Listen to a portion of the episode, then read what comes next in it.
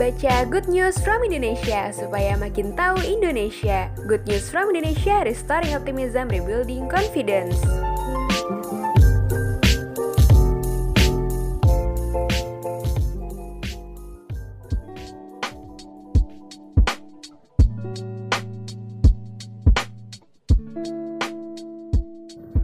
Di situasi pandemi COVID-19, banyak bermunculan inovasi baru di berbagai aspek, termasuk di dunia hiburan.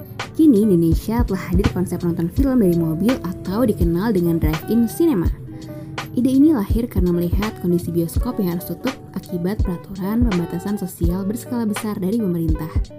Meski banyak platform atau situs film yang memungkinkan nonton di rumah, tetap aja sensasinya akan beda dengan nonton film langsung di bioskop.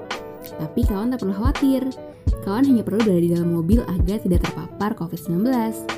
Pihak penyedia juga menerapkan aturan social distancing dan serangkaian protokol kesehatan yang cukup ketat. Kawan dapat menikmati film dari Indonesia maupun luar negeri dengan berbagai genre, seperti horor, thriller, aksi, drama, romansa, komedi, keluarga, dan lain sebagainya. Ada beberapa penyedia di berbagai kota yang bisa kawan datangi loh. Yuk baca artikel selengkapnya di goodnewsfromindonesia.id.